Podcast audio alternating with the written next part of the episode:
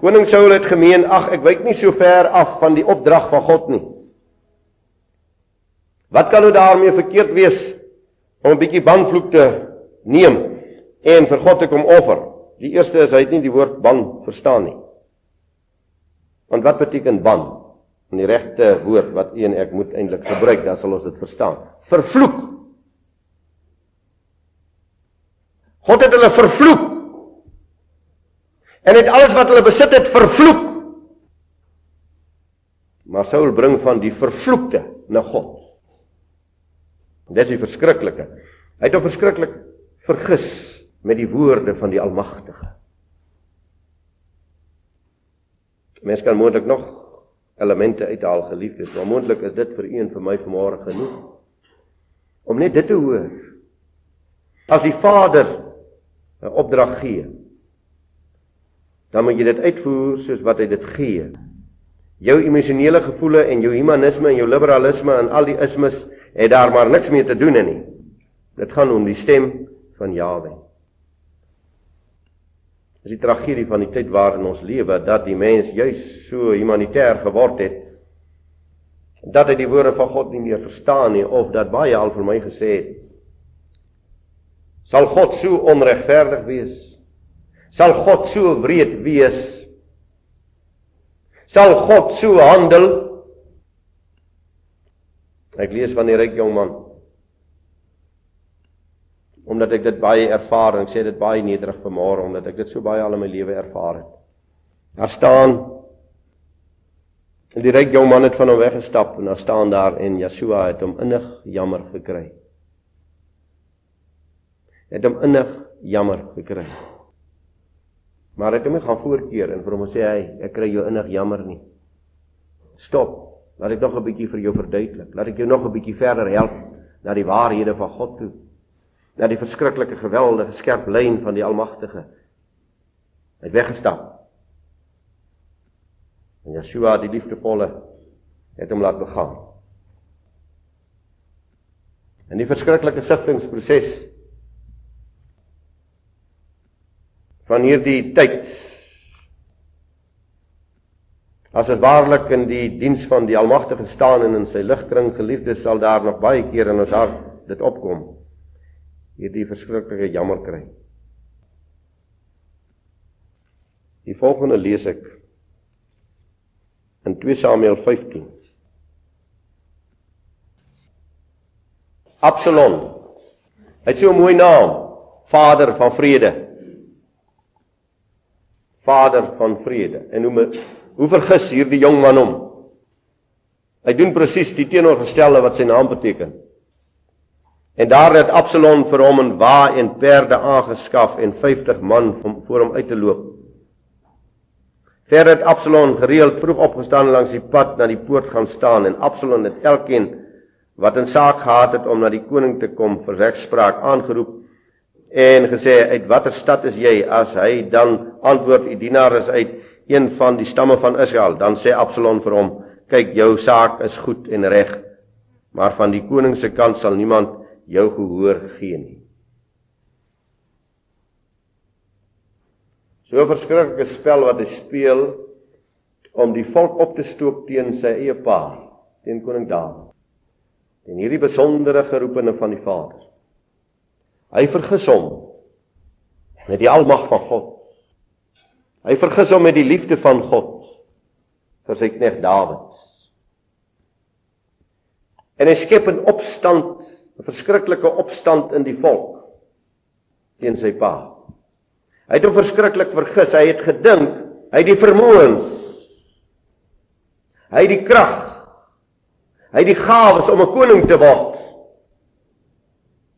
Om self aan te stel as 'n koning, om self in te kry as 'n koning. Het hom verskriklik vergis. En op die ou end hang hy aan 'n boom aan sy hare en dit word hy deurboor en word sy lewe niks. Vergissing van die mens in sy verwaandheid en sy eie geregtigheid en noem op om te wil word wat die almagtige nie bepaal het dat hy sal word nie. Daarom is dit nodig dat elkeen, ek sê dit so dikwels vir die kinders ook, toets tog, soek tog, wat is Jahwe se bedoeling met jou in hierdie lewe? Wat wil hy met jou? Soek ons dit voor die aangesig van die Almagtige.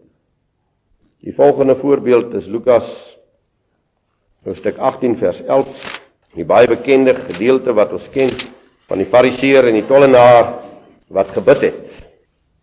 En die Fariseer het gaan staan by homself so gebid: O God, ek dank U dat ek nie soos hierdie ander mense is nie, rowers, onregverdiges, egbreekers of ook soos hierdie tollenaar nie.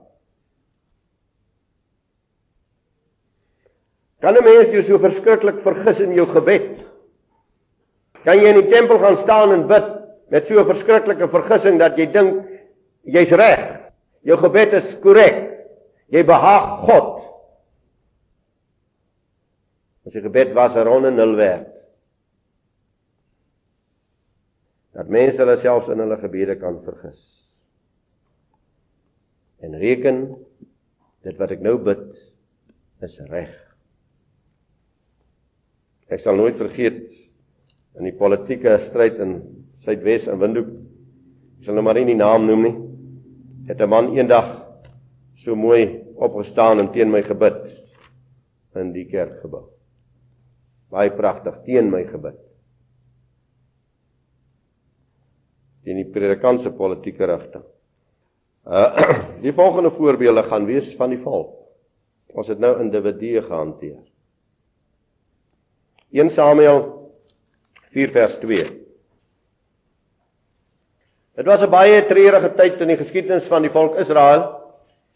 Toe Eli die priester was en maar alles laat begaan het soos dit maar kan gaan, dit maak nie saak nie, dit kan maar net gaan. En toe het God die Filistyne teen hulle opgestook. Vers 2 toe die Filistyne hulle opstel om Israel te ontmoet en die geveg ontwikkel, is Israel voor die Filistyne verslaan en hulle het op die vegterrein in die veld omtrent 4000 man doodgeslaan. Terwyl die manskappe die laar inkom, sê die oudstes van Israel: "Waarom het Jawe ons vandag voor die Filistyne verslaan? Laat ons die verbondsark van Jawe uit Silo na ons toe bring dat dit onder ons inkom en ons verlos uit die hand van ons vyande." Daarop het die manskappe na Silo gestuur en hulle het die verbondsark van Jawe van die leerskare wat op die Gerubstroon daarvandaan gaan haal.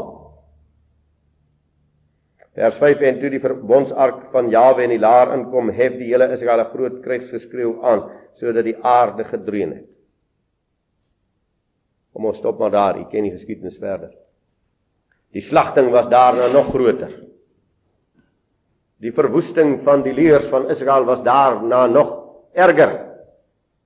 Met die verbondsark in hulle midde in die geveg. Hulle het hulle verskriklik vergis hierdie volk. Nommer 1 het hulle 'n vergissing gehad oor die heiligheid van die Almagtige. Die verbondsark het 'n bepaalde plek gehad. Was in 'n bepaalde heiligheid geplaas. Maar hulle ruk hierdie verbondsark uit sy heiligheid uit en hulle kom plaas dit binne hulle geveg. Wat so verskriklik vergis met die heiligheid van God.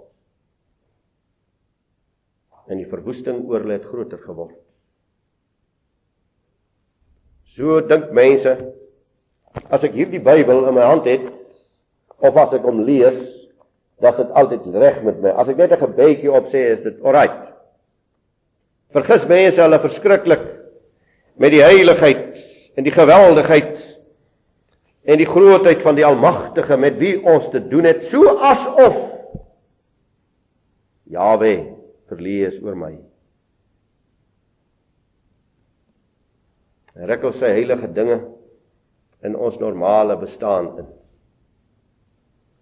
Wat 'n tragedie dat ek vir 'n man moet sê man los die heilige naam asseblief uit. Moenie die heilige naam voor my noem as jy die goeie praat. Moet ek nie maar die voorbeeld noem. Ek sê dit bewende. Jawe het 'n plan A en 'n plan B en 'n plan C. En nie een van die planne het in elk geval gewerk nie. Dit was rondom die gebeure by die skool. dat die mens die Almagtige kan inroep op sy onheilsplanne wat hy doen.